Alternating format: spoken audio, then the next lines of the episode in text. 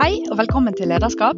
Denne gangen skal vi diskutere hva betydning den norske arbeidslivsmodellen har for HR-arbeid. Og I tillegg så snakker vi om hvordan digitalisering, hybrid arbeid og bærekraft virker inn på HR-arbeidet.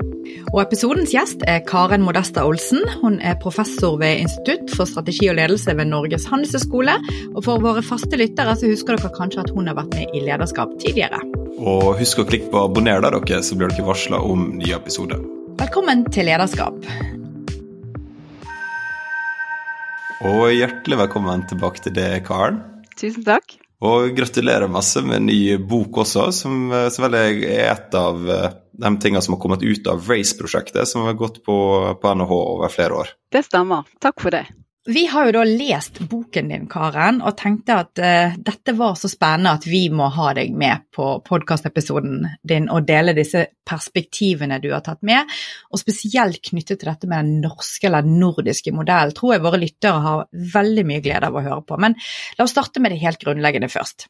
Hva er HR, og hvordan har HR-faget utviklet seg til den plassen det har i dag, bare for å sette bak teppet? Ja, altså sånn Veldig enkelt så handler jo HR om eh, ledelse av mennesker. Eller hvordan mennesker kan bruke sine ressurser eh, og sin innsats og eh, sin kompetanse til å nå virksomhetens mål. Så er jo menneskelige ressurser av en annen type enn andre typer ressurser. Sånn mennesker kan føle og mene og protestere. eh, så, eh, så, handler jo HR altså Mange tenker at det, handler, handler, om HR-avdelingen, men det handler jo mye mer om eh, det om det også, men også om, om mye mer generelt eh, om ledelse. Altså alle, alle, virksomheter som har ansatte, driver med en eller annen form for, eh, for ledelse av, eh, av disse menneskene. Eh, og veldig mange HR-aktiviteter som vi tenker typisk på rekruttering og sånn, det skjer jo ute i avdelingene eh, like mye som det skjer i en HR-avdeling. Eh, og så har HR-avdelingen har også fått en, en større plass i, i, mange organisasjoner ved at typisk HR-lederen er med i toppledergruppen. Det er en utvikling vi ser over tid. Eh, så det har fått en litt mer strategi, altså virksomhetens strategi er blitt viktigere og tettere knyttet opp mot, eh, mot HR-strategien i mange virksomheter. Og så var det et morsomt poeng fra boka di, der du, du skriver at uh, det heter kanskje 'human resources', men det er ikke mennesker i seg sjøl som er ressursen, men mennesker har ressurser som må aktiveres. Forstår jeg det riktig? Ja, det, det, er riktig. Mennesker har ressurser som de, de kan bruke inn i en, eh, en, virksomhet, og som de også kan ta med seg videre til andre, andre virksomheter. Mm. Eh, så det er jo også HR eh, er på en måte gått inn i det, i det norske språket. Sant? Tidligere så het det personalavdeling, mens nå heter HR-avdelinger eh, av og til mennesker og organisasjon eller people and purpose, og, og har liksom fått en, fått en, litt annen standing i, i, i mange virksomheter. Mm. Ja, det er vel òg min oppfatning at det, det handlet om fokus fra at du skal liksom ha lover og regler knytta til å betale ut eh, riktig lønn og, og, sykefravær, til at hvordan kan vi motivere sikkert, som du sier, disse ressursene, at man ønsker å bruke de ressursene man har. Så det er jo en ganske spennende utvikling for faget som sådan. Og da er det jo, da er det jo utrolig spennende å ta inn dette perspektivet knyttet til den norske arbeidslivsmodellen, trepartssamarbeidet, og, som høres så teknisk ut. Men hvordan kan vi koble dette på eh, dette arbeidet, Karen? Ja, altså den, den norske arbeidslivsmodellen, det er jo det trepartssamarbeidet som du nevner, det er jo på en måte kjernen i modellen. Altså det, det samarbeidet som, som skjer mellom arbeidsgivere på den ene siden, eh, arbeidstakere, eh, typisk gjennom fagforeninger, og, og, myndigheter eller staten. Så disse tre partene er jo tre veldig viktige aktører i, i eh, denne modellen. Og så er de eh, knyttet sammen, eller det samarbeidet mellom de aktørene, det, det er, kommer dels ut fra, fra, lover og regler. Det kommer dels ut fra, fra avtaler som, som partene, da, arbeidsgiver og arbeidstaker, har inngått hovedavtalen og, og forskjellige typer kollektive avtaler. Eh, og så handler det også om eh, så det handler en del om disse formelle eh, reglene og nedskrevne tingene. Men så handler det også om, om mer sånn uformelle ting. Hva, hva, er det man bør gjøre, og hva er spillereglene i, i norsk arbeidsliv. Så det er også en viktig del av det som vi, eh, vi kaller den norske arbeidslivsmodellen. Mm. Rett og slett hvordan spillereglene for hvordan, hvordan, arbeidslivet skal fungere. Mm. Og det, er, det, har jo en, en historisk bakgrunn eh, ved at, eh, at arbeidsgiver og arbeidstakere har noen ulike interesser, eh, men vi er også tjent med å, å på en måte regulere dette forholdet sånn at vi kan Sånn at ting glir litt lettere, eller det flyter litt lettere når vi har, har disse spillereglene på plass. Mm. Og eh, det er jo Et av hovedpoengene i boka er jo nettopp at man må nødt til å se på hårarbeid som nokså spesifikt for Norge, og at hårarbeid i USA ville vært noe helt annet. Og kanskje eh, ville det vært helt annerledes også i et søreuropeisk land? Eller er det noen land som det går an å sammenligne seg med? Ja, altså det er, det er vanlig å, å, sammenligne Norge typisk med, med, de andre nordiske landene, eller, og spesielt uh, de skandinaviske landene. At vi har noen hvis, hvis, du leser sånn, Når vi snakker om modeller, så kommer det gjerne ut fra sånne teorier som, som kategoriserer regimer ut fra noen sånne fellestrekk. Og der er, er Norge har noen fellestrekk med de andre Eh, nordiske landene. Bl.a. dette med, med trepartssamarbeidet. Det er ganske framtredende i all, alle, alle, landene. Og Det har jo noe å si for HR-arbeid innad i virksomheten. For det er jo nettopp der, der eh, det er tett samarbeid mellom eh, HR og ledere og, og tillitsvalgte i, i virksomhetene. Mm. Ja, så Vi ser også det at uh, sånn HR-modeller ser litt ulike ut. altså Det som, som, som uh, type systemer for, for HR i, i, virksomheter i ulike land, det er uh, så De nordiske landene har ganske mye av det vi kaller myk HR. Sant? Det er mye informasjon, det er mye muligheter for utvikling og, og ja, i større grad enn en andre land. Mm. Ja, for dette skillet mellom myk og hard HR, det er vel noe som har kommet de senere årene. Eh, bare ta kjapt de skillelinjene. Ja, altså så myk HR, da tenker man seg at ansatte er motivert og eh, har en interesse av selve oppgaven, og det er viktig å bygge opp under den, den, eh, den, type motivasjon. Mens hard HR det er mer sånn type kontroll. Det tar mer virksomheten sitt, eh, sitt perspektiv. Og, og eh, sånn, insentiver og, og, overvåkning er mer assosiert med det som, som kalles hard HR. Mm. Hmm. Interessant. Og da er det sånn at Kan man si noe overordna om om da norsk HR, og, og hvorvidt Norge har en softere tilnærming enn en andre land. Jeg kommer jo på at f.eks. i Sverige så har man en sånn karensdag. Du kan ikke ta en sykedag uten å eh, bli trukket i lønn. Nei, det, det, det stemmer. Det har vel, Norge har vel verdens beste sykefraværsordning, i, i, sett fra, fra arbeidstakerståsted i hvert fall. Eh, så det, og har, den, den, har på en måte vært litt fredet i norsk arbeidsliv. Det har jo vært noen utvalg opp igjennom som har foreslått bl.a. noen sånne varianter av karensdag. Men det, det, den, den, fredingen har nok også litt med at Eh, Norge er kanskje litt mindre rammet av økonomiske kriser enn de andre nordiske landene har vært. Eh, så vi har på en måte hatt, hatt råd til å ha den, den ordningen sånn som den, som den, er. Men ellers er det jo mye fellestrekk mellom de nordiske landene altså i type, type systemer. Når vi, vi, ser over mm. tid, og når vi ser eh, ja, at de har, har mer av sånn, autonomi, selvbestemmelse for, for arbeidstakerne, og litt mindre av disse kontrollsystemene. Mm. Men det at vi ser da at nordiske land ligger på topp med hensyn til lykke, konkurranseevne, helse, kan vi tilskrive noe av dette til det at vi har den nordiske modellen? Ja, altså det er jo Det kalles jo eh, den nordiske ja, tillit på en måte Det har vært et sånn felles eh, trekk mellom altså Vi har høy tillit i de nordiske landene. Så det er jo er blitt kalt det nordiske gullet. Så det har jo mm. blitt eh, Eh, og så var det mye eh, oppmerksomhet for noen år siden med en artikkel om The Nordic Supermodel, eh, som nettopp tok for seg dette med, med at det, vi har der, eh, at folk, vi, vi scorer høyt både på, på, det med lykke og også på effektivitet i virksomheter. Om det bare kan tilskrives eh, modell, så er det i hvert fall en del som tyder på at denne type samarbeid det demper litt konflikter. Det, det glir, ting glir litt lettere når vi har avtaler og, og litt sånn felles forståelse av hva spillereglene er. Mm.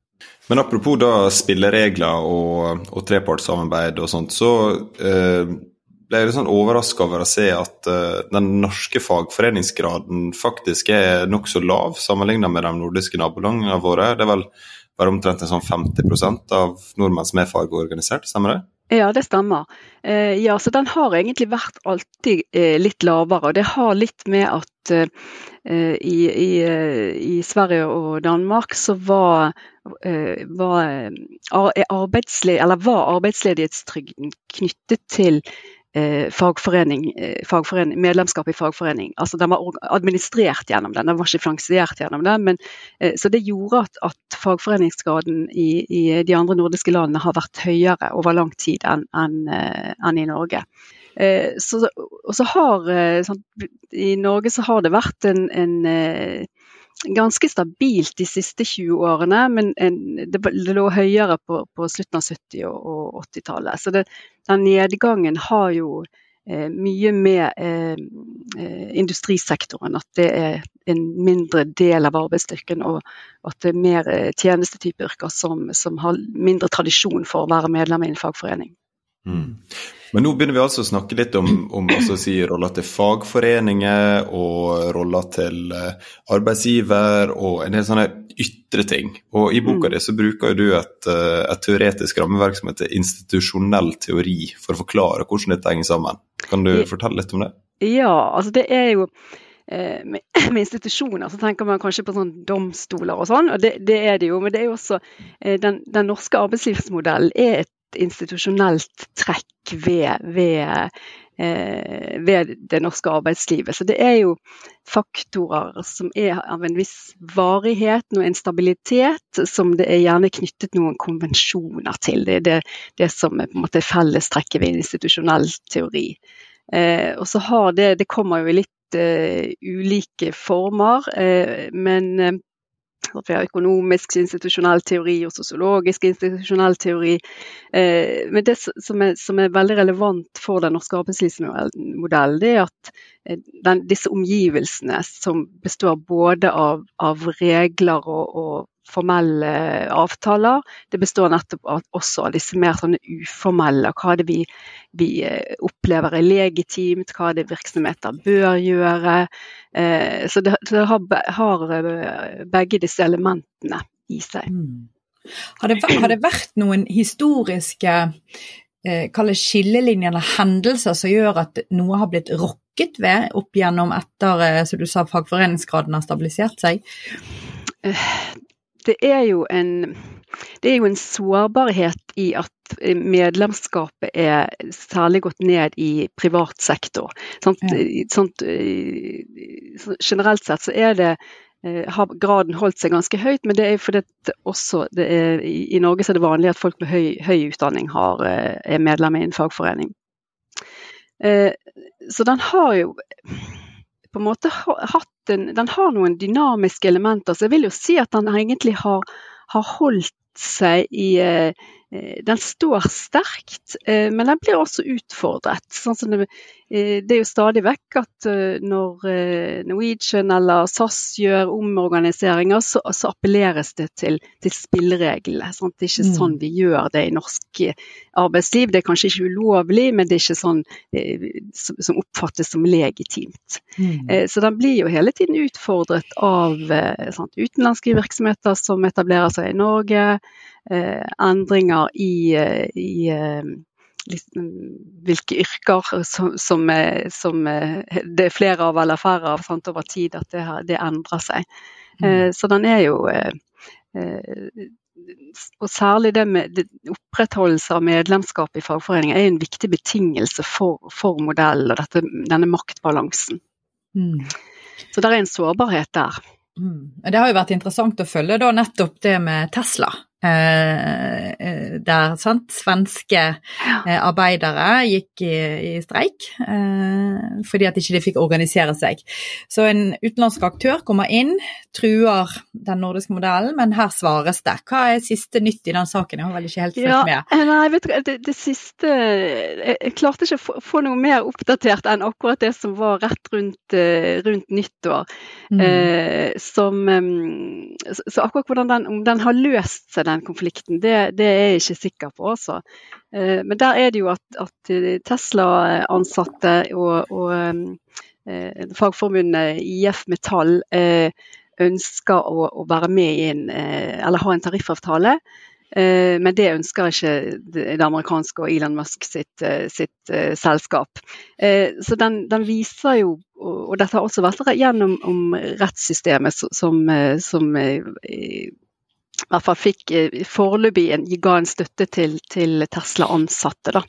Mm. En, en, litt sånn parallell eh, eksempel er jo fra Foodora for uh, i, mm. jeg tror det var 2019, som er jo et tyskeid selskap som kom inn i, i norsk arbeidsliv, og der også eh, de ansatte i Foodora, sykkelbudene, ønsket en tariffavtale og, og, streiket for å få det. Og Der, der klarte de å få igjennom en, en, en avtale. Så de har noen sant, Det er veldig forskjellige typer eh, yrker her. og det, det, som er litt spesielt med den Foodora-saken, er jo at det er, sant, det er tjenesteytende sektor. Og det er jo en, en, type arbeid som ikke er typisk å være fagorganisert i. Men de, sånn, som, som, ansatte så hadde de den retten til å være organisert, og fikk gjennom denne, denne tariffavtalen. Hva tenker du om den utviklingen, altså hva betyr det for de ansatte? Er det, er det noe mer enn bare lønn og vilkår, eller hva, hva implikasjoner får det? Eh, det får jo eh, Altså, det, det, viktigste er kanskje den, den, retten de har til å kunne få igjennom eh, eh, krav, og ha mm. den muligheten til å, å, inngå en sånn type avtale. Mm. Eh, i å få ordnete arbeidsforhold. Mm. Ja, for nå snakker vi jo mye om, eh, om roller til fagforeninger, og jeg ser jo nesten på det som en eller jeg ser jo på det som en motpart til eh, arbeidsgiver. ikke sant? Og jeg tenker jo at HR-avdelinga representerer arbeidsgiver. Så er det egentlig et motsetningsforhold der også, at du har en, si en, en klubb i, internt i en organisasjon som uh, står i kontrast til HR-avdelinga i samme organisasjon, eh, og der er gnisninger der internt òg. Ja, altså HR-avdelingen har jo en litt sånn interessant posisjon. for De er på en måte sånn at de forhandler jo ofte lønn på vegne av uh, arbeidsgiverne. så I den forstand så er jo de en, mot, en mot, motpart til, til, arbeidstakerne. Men samtidig så er de ofte en, en talsperson eller et talerør sant, for, for uh, eh, virksomhetens ansatte hvis det er et, et, eller annet problemer i, virksomheten. Så de er jo på en måte i en litt sånn mellom, mellomposisjon, både en, en, talsperson og en, en motpart. Mm. Eh. Med, jeg, kjenner jo mediebransjen godt, og der har du sant, en redaksjonsklubb som er den lokale fagforeninga. Og mm. eh, jeg har ikke inntrykk av at de behandler typiske HR-saker, eller si mistrivsel eller sånt. Der er det snakk om mer rettigheter. Og så er det HR-avdelinga som tar seg av andre ting. Ja. Så, er, så er det et motsetningsforhold der? Eh, med hensyn til lønn, så er det jo det. Så kan det jo være et motsetningsforhold. Men jeg tror at det, det er jo noe av det som er, er litt spesielt med den, den, norske arbeidslivsmodellen. Nettopp det at, at partene ser ut, ser, er tjent med et samarbeid. Så det som på en måte er disse motpartene eh, på papiret, det skjer jo ofte i samarbeidsformer i en virksomhet. Med at eh, HR-avdelingen og ledere involverer de ansatte, enten det er tillitsvalgte eller andre former for representanter. Så det er, er veldig mye samarbeid i, på virksomhetsnivå. Eh, eh, når vi ser f.eks. Eh, eh, innføringen av eh, hybrid arbeid Eh, Folk har vært eh, mye på hjemmekontor. Hvordan skal vi løse, Hvilke retningslinjer skal vi ha for dette? Eh, og Der har jeg vært involvert i forskningsprosjekter som har vært rundt i bedrifter og sett hvordan er det de faktisk gjør dette. Og Der er det i veldig stor grad samarbeid og involvering av, av fagforeningene i å, mm. å utvikle liksom, ja, normer for når vi skal være og på kontor og ja, den type ting. Så, så fagforeningen i Norge blir egentlig gode representanter for arbeidstakerne inn mot HR og ledelse utenom lønn også, ikke bare i lønnsspørsmål. Absolutt, absolutt. Mm. Ja. Kult. Men, men, da har vi igjen har vi vært innom at liksom, de ytre rammene og hvordan da den norske modellen legger føringer for HR-arbeidet. Så, så, før vi går videre, så litt sånn overordna og stort spørsmål, egentlig. Opplever du at den norske modellen er under press, eller har den endra seg de siste fem-ti åra? Eh, den er jo eh, under press i den forstand at eh, den med nettopp det som jeg nevnte med at det er en lav Det har vært en nedadgående fagorganiseringsgrad i, i, privat sektor. Og særlig liksom, LO har mistet terreng over tid, da, sammenlignet med, mm. med tidligere. Men så har du jo eksempler. Sant? Foodora-eksempler, Det er eksempler for bedrifter som prøvde å utelate de som var medlem i fagforening fra, fra eh, belønnings- og prestasjonsbelønningsordningen. Eh, så det er liksom Det er um, veldig mange eksempler på at den også fremdeles står sterkt. Eh, mm. Uh, og så er det en dynamikk mellom eh, når det, når det, skjer endringer i lovverket, så vil det, det ofte involvere partene også. Så de er på en måte med og bestemmer.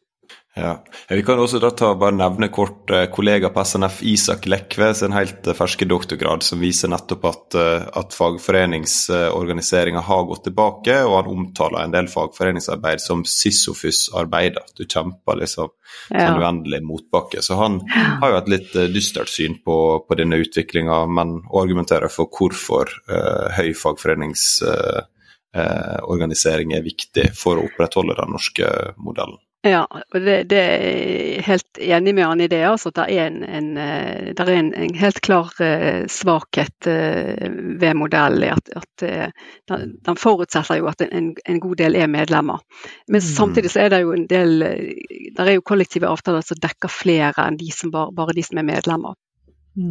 Så ja. Så bare siste spørsmål før vi går over til litt de andre temaene om den norske modellen. Eh, kan den få noen utilsiktede konsekvenser? Eh, hva er eventuelle baksider ved denne modellen? Ja, altså det, jeg kan jo nevne Der, der er noe som heter velferdsstatsparadokset. Eh, som har, har, blitt brukt eh, med hensyn til eh, at eh, arbeidsmarkedet er ganske kjønnsdelt, at det er få kvinner i, i ledende stillinger. Så Der har, har eh, den norske modellen med, med velferdssystemet eh, hatt en litt sånn paradoksal konsekvens ved at når med lange permisjonsordninger som kvinner i større grad tar med, eh, med, i forbindelse med, med barn, så, så, så, taper de også karrieremessig. Men nå er det, den siste forskningen som er kommet på dette, er at dette, ja, dette var kanskje riktig en stund, men det ser ikke sånn ut nå lenger. Det, det kan ikke forklare det, det, kjønns, det er ikke så forskjellig fra, fra andre land. Så det er på en måte en, det kunne se ut som en, en litt sånn utilsiktet konsekvens, men som kanskje, kanskje, ikke er så, så, så dramatisk likevel. Mm. Eh, en annen sånn, sånn, konsekvens er jo at eh, staten og, og tar jo hånd om mange som faller utenfor arbeidsstyrken. Eh, så du kan si at der kan kanskje myndighetene tar og, og, spiller en vel stor rolle. At kanskje ikke bedriftene gir, yter nok her og ser sin rolle med å, med å inkludere folk i, i arbeidslivet. Så det, det kan være en, en, litt sånn utilsiktet konsekvens av, mm. av, av, eh, av modellen. Mm. Når du først eh, nevnte kjønn, så har jeg også et inntrykk av at HR-arbeid på generelt grunnlag er kvinnedominert. Eller I alle bedriftene jeg har jobba i, så har det vært kvinner i, i HV-avdelinga. Eh, ja. Har du noen tanker rundt uh, hvorfor det er sånn, og hva eventuelt det gjør med synet på HR? Ja, det er interessant. Det er, det er jo det. Det er kvinnedominert. Og det er, det er nok eh, kanskje assosiert med litt sånn mykere fag. Sånn at det er flere Tilsvarende som at det er flere menn som er, er, tar tekniske utdanninger. Så det, er, så, så det, tror jeg nok ligger der litt i bunnen, altså. Mm. Um, ja. Mm, det, egentlig er det litt sånn paradoks på et vis når vi vet at det er menn som er mest ledere, så er jo HR knyttet til å lede. Burde jo vært mange menn som var interessert der, men kanskje ikke de ser at de har like mye makt. De kommer nok. De kommer nok. det kommer nok. Nei, men flott. La oss bevege oss over på det vi kaller disse megatrendene som vi nevnte innledningsvis, med digitalisering, det hybride arbeidet og og eh, bærekraft.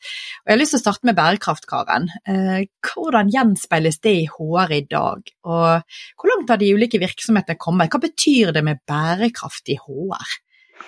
Ja, det har, det har, fått en, en, eh, det har fått en stor plass i HR, vil jeg si. Og det er, og det er særlig dette ene målet med, som mål nummer åtte av FNs bærekraftsmål med anstendig arbeid og økonomisk vekst. Det er, det er veldig nært knyttet opp til, til eh, forhold som har med, med ansatte å gjøre. Eh, så hvor langt Eh, bedrifter er kommet vel altså De aller fleste har jo bærekraft i sine, sine, overordnede mål. Og veldig mange bedrifter har valgt ut noen av FN sine bærekraftsmål som de eh, presenterer som at dette er det vi, vi jobber for. Mm. Uh, ja. Ja. Men er ikke det eh, litt enk, en litt enkel løsning for norske bedrifter? da? Hvis det er sånn at ja, den norske modellen den er kjempegod, og på generelt grunnlag så har eh, norske arbeidstakere fantastiske vilkår. Så hvis vi bare sier at vi følger, eller vi skal leve opp til FNs bærekraftsmål nummer åtte om anstendige eh, arbeidsvilkår, så vi, kan vi tikke i boksa og klappe oss på skuldra? Ja, altså det, det, det er jo litt det jeg tenker på også når det, det, det har kanskje noen utilsiktede konsekvenser at kanskje ikke virksomheten er helt helt bevisst sitt ansvar her. Mm. Eh, at de kanskje slipper litt lett eh, unna, nettopp fordi at staten tar, tar hånd om, om, mye. Men så er, der er jo eksempler på bedrifter som også går ut og, og eh, Samfunnsansvaret bygger jo på at de eh, at de skal tenke videre enn bare de, de, økonomiske resultatene og den enkelte virksomhet, men også ta, ta et ansvar for samfunnet rundt. Eh, så det er jo en del eh, virksomheter som, sånn ansetter folk som har eh, hatt rusproblemer eller en eller annen sånn helsemessig eh, ja, ikke, ikke, så lett kommer inn i arbeidsmarkedet. Altså det, det, en, det, det finnes jo eksempler på det òg. Jeg har lyst til å nevne, Karen, et felt vi skal bevege oss inn i. handler jo om eh, aldring på arbeidsplassen. Nettopp, nettopp. Og det er jo også i et bærekraftsperspektiv utrolig interessant. Ja. Eh, og vi skal søke på et eh, prosjekt, har vi tenkt. og akkurat der skriver vi på engelsk, så jeg har lyst til å bare dra det. Og da handler det jo om 'successful aging at work'. Eh, og alt det rammer og rommer. Eh, for eh, hvordan blir man sett på som en aldrende arbeidstaker? Føler man at 'ja, skal ikke du gi deg snart', eller ja, er... er du en ressurs for oss? Hvordan oppleves dette? Og der tror jeg både private og offentlige virksomheter har en ekstremt stor jobb å gjøre, for vi trenger alle de menneskene vi kan få. Ja, sant? Nå er vi på det der eh, tippepunktet som du sier at nå, nå, blir det flere eldre enn en, eh, en unge i, i, i, i populasjonen. Så det, er, så det, der kommer til å bli et kjempeviktig tema framover. Altså, med mm. hvordan få, få, folk til å stå lenger i arbeid. Og, ja. og, og de studiene jeg har sett så langt, handler jo faktisk veldig mye om det med holdning. Eh, hvordan opplever vi de eldre på arbeidsplassen? Er de en ressurs? Er de noen som Nei, de er nå litt Nei, de har ikke så lett for å endre seg. Vi må tenke på de unge, for de har mye mer innovasjon osv. Og, så og så er det kanskje når man ser på studiet at nei, det var ikke helt sånn tilfellet. Ja. Nei, og så er det jo liksom hvilken roller man skal ha i ulike karrierer og ulike posisjoner i eh, virksomheter. Kanskje du, men vi må tenke litt annerledes at uh, mm. når du er 55 eh, pluss, som ikke er jo så gammel, veldig gammelt, da. at du da, da, kanskje har, skal ha noen andre roller. Og se, mm. kan, kan, hvordan kan vi legge til rette for at folk kan, kan stå lenger? Mm. Jeg, jeg syns det er litt morsomt at dere er så interessert i dette. da, som, du, har fylt, du, har ikke fylt 50 engang, Therese. Så i, i akademia så er jo dere dem ungfolene. Og jeg er jo et, jeg er et barn i akademia. Du er et barn i akademia. Nei, det er jo fordi at vi er så utrolig flinke å tenke langt frem, da. Eh, og så tror vi jo at eh, som sagt dette er en av de der eh, the grand challenges, som vi kaller det, som eh, vi har lyst til å gå inn på mer med hvordan kan vi løse det, heller enn å se på at nå blir vi truffet av en krise. For vi mm. tror det ligger mer muligheter enn en, ja, trusler i dette, da, tenker vi. Så Nei da, så vi, vi, kommer sikkert til å komme mer inn på dette etter hvert som vi uh, skrider frem forskning på, på den biten. Men eh, i hvert fall det med digitalisering da, Karen, det snakket vi jo mest i, da, i episode 41, når du var her innom. Men siden den gangen har jo ChatGPT gjort sin uh, inntreden på alle arbeidsplasser. og har du fått noe oppfatning av hvordan dette har truffet HR-feltet? Ja, altså det, det, Jeg har fått et inntrykk. Jeg var nemlig innom en kollega som har et kurs i digitalisering. Og det var påfallende mange eksempler for HR-arbeid ja. med bruk av chat-GPT. Eh, så det tror jeg, og det, det, virker, det tror jeg du kan, kan, Det kan løse en del sånne enklere oppgaver, i hvert fall. Så det, det mm. tror jeg kommer til å få en betydning. Eh, og så er det jo en del ting som, som har med sånn, utvelgelse i forbindelse med rekruttering, og, og sånn der digitale verktøy har vært brukt eh, en stund. da. Eh, men jeg tror at det kan eh, Sånn det kan behandle veldig mye informasjon på, på kort tid og oppsummere. Og, ja, så, så, at det kan løse en del enkle oppgaver, det tror jeg absolutt det kan. Altså. Mm. Mm. Men eh, når jeg tenker på HR, så tenker jeg tradisjonelt på altså, for å sette på spissen, nesten litt sånn den interne huspsykologen, som også passer på at alle har det bra, og at man har det man trenger, og at man, eh, man får påfyll av eh, ressurser. Og, ja, så nå, nå forenkler jeg veldig roller, da. Men er ikke det mye menneskelig kontakt som ikke er så lett å digitalisere bort? Så handler ikke eh, dette mye om å sørge for at, eh, at organisasjonen jobber godt sammen, og at det er godt samhold og, og den type ting også? Absolutt. Så jeg tror de tingene der blir jo bare enda viktigere. Eh, så det er jo, der, og der vil jo ikke kunstig intelligens kunne hjelpe oss. Men så tanken må jo være at vi kan bruke eh, kunstig intelligens og, og, programmer som ChatGPT til å gjøre nettopp de, de, enklere oppgavene, så vi får mer tid til de andre tingene. Mm. Ja.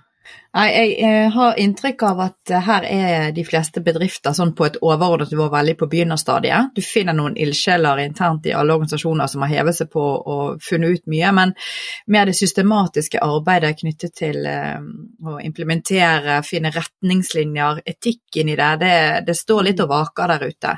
Uh, og vi har jo i dette DIGG forskningsprogrammet som Karin og jeg er del av, og du òg, Tellef, der har vi hatt en masteroppgave nylig nå som så på AI i forbindelse med team. Sant? Og hva skjer når uh, ChatGPT gjør sin inntreden, når du heller vil spørre ChatGPT enn kollegaen din om råd?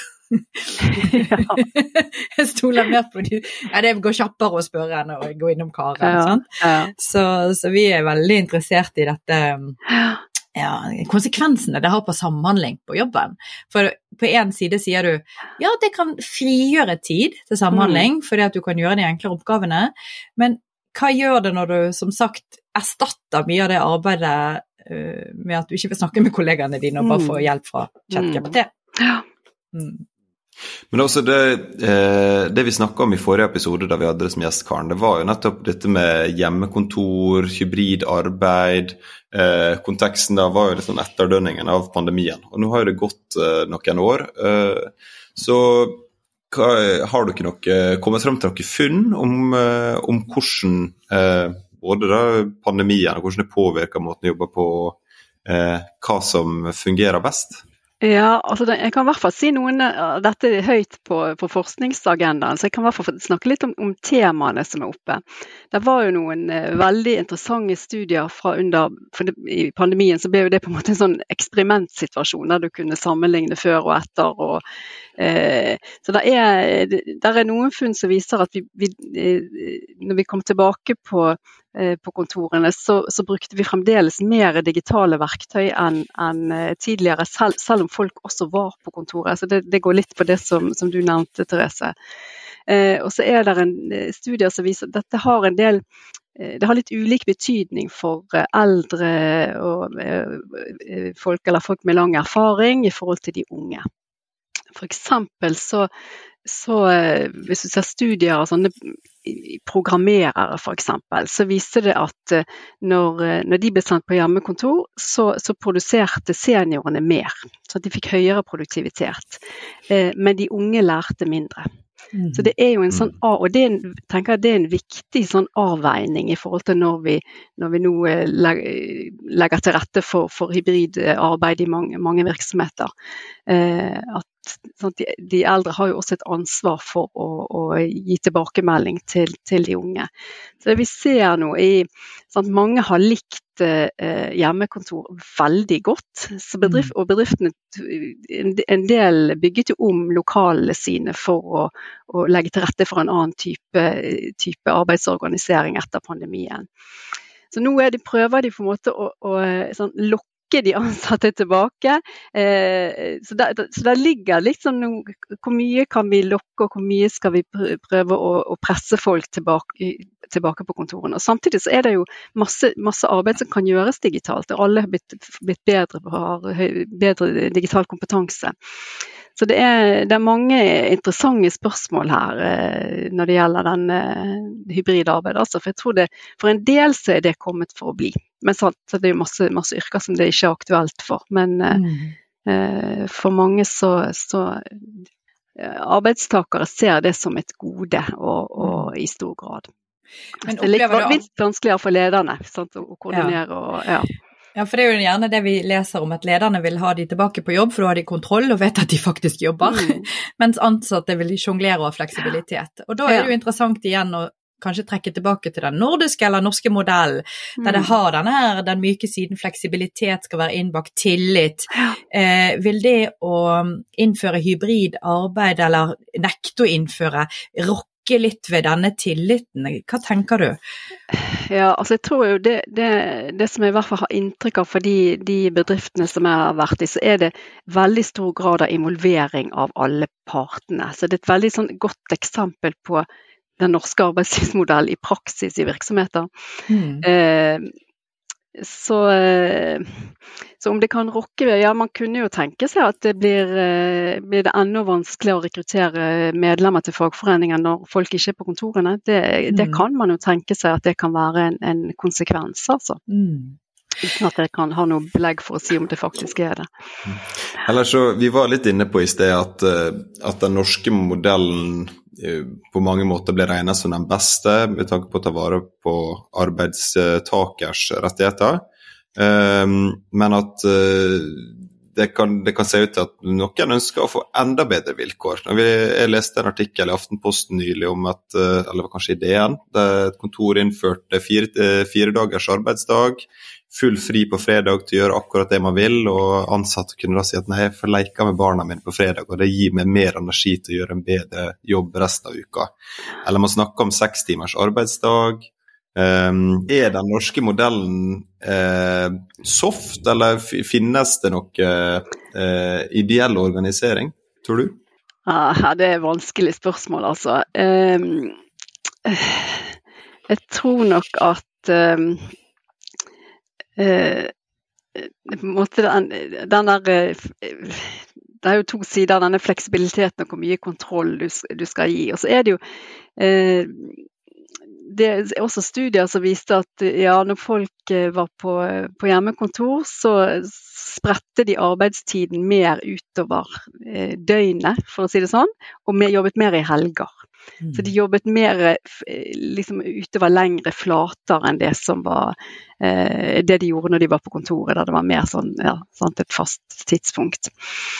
Jeg synes jeg har noen refleksjoner om dette. Den saken du viser til var i DN eh, Tellef. Sant? På lørdag ved en bedrift som sier at her hos oss jobber du bare fire dager.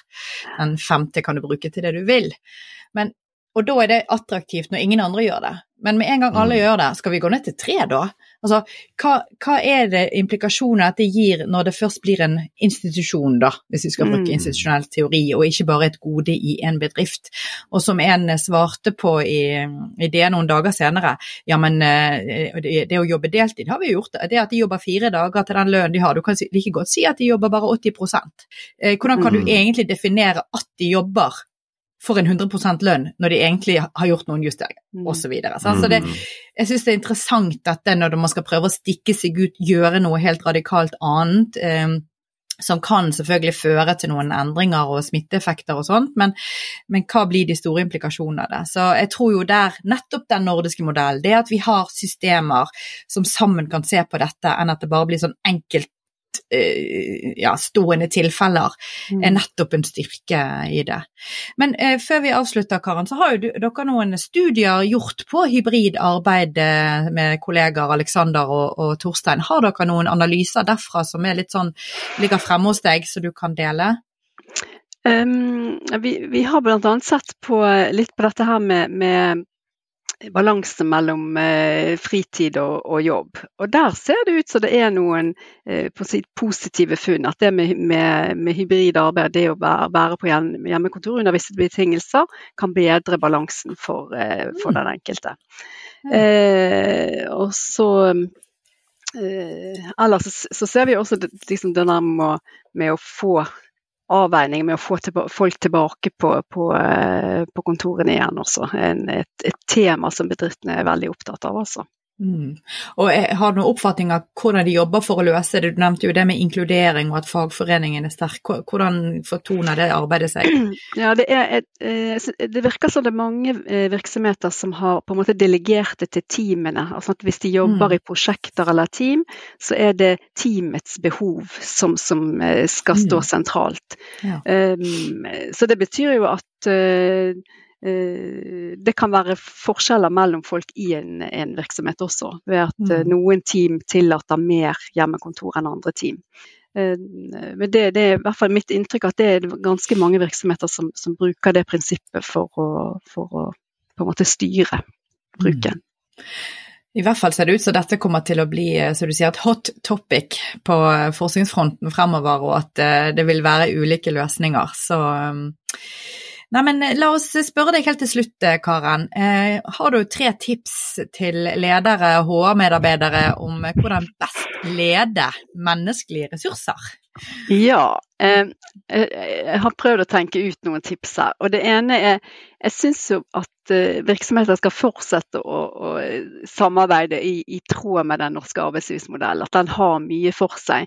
Selv om det er sant, Det kan sikkert være irriterende innimellom og mye møtevirksomhet, men jeg, jeg syns jo det er, er lurt å, å, å, fortsette med det, at vi har et fortrinn. Eh, og så var litt det der med den utilsiktede effekten av, av eh, modellen. Så der tror jeg det bedrifter bør liksom være litt sitt ansvarsbevisst i forhold til, til bærekraft og, og, og, samfunnsansvar. Så det, det, det er noe eh, et, et, tips til bedriftene, da, eller til lederne. Mm. Og så tror jeg at vi skal ta i bruk de nye tekniske virkemidlene til, til, i hvert fall til å kunne gjøre enkle oppgaver. Vi ikke skal være så redd for det. Mm. Uten at vi skal drive og måle og overvåke alt, men å bruke, eh, bruke nye virkemidler på, til å, å, løse enkle oppgaver. Mm. Neimen, Spennende. Tusen takk, Karen. Veldig interessant å høre. Og selvfølgelig de som vil lese boken til Karen, oppfordrer vi til at der kan du dykke enda mer ned i disse temaene. Ja. Og så kan jeg kanskje si en, en, liten takk til alle disse bedriftene som har vært med og, og sluppet til forskere og studenter. Det er, ja. er veldig verdifullt for å kunne, kunne, skrive en sånn bok og, og, gjøre forskning på disse temaene. Så det, mm. Det var en fin ja, da... Eh, avslutning, for det vil vi oppfordre til. Det vil vi fortsette banke på dørene.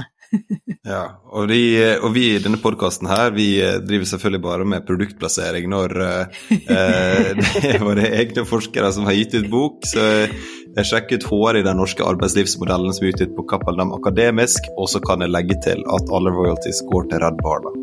Det stemmer. Du har nå hørt på Lederskap, NHHs podkast om ledelse, og mitt navn er Therese Egeland. Og jeg heter Tellef Solbakk Rabe. Kom gjerne med tilbakemeldinger eller innspill til tema. Og så finner du kontaktinformasjonen vår på NHO sin hjemmeside, eller så kan du skrive til oss direkte på LinkedIn. Og om du likte det du hørte, så blir vi veldig glad om du vil abonnere eller dele episoden med dine kolleger. Vi gleder oss til eh, neste episode. Følg med, klikk abonner, så blir du tipsa. Ha det.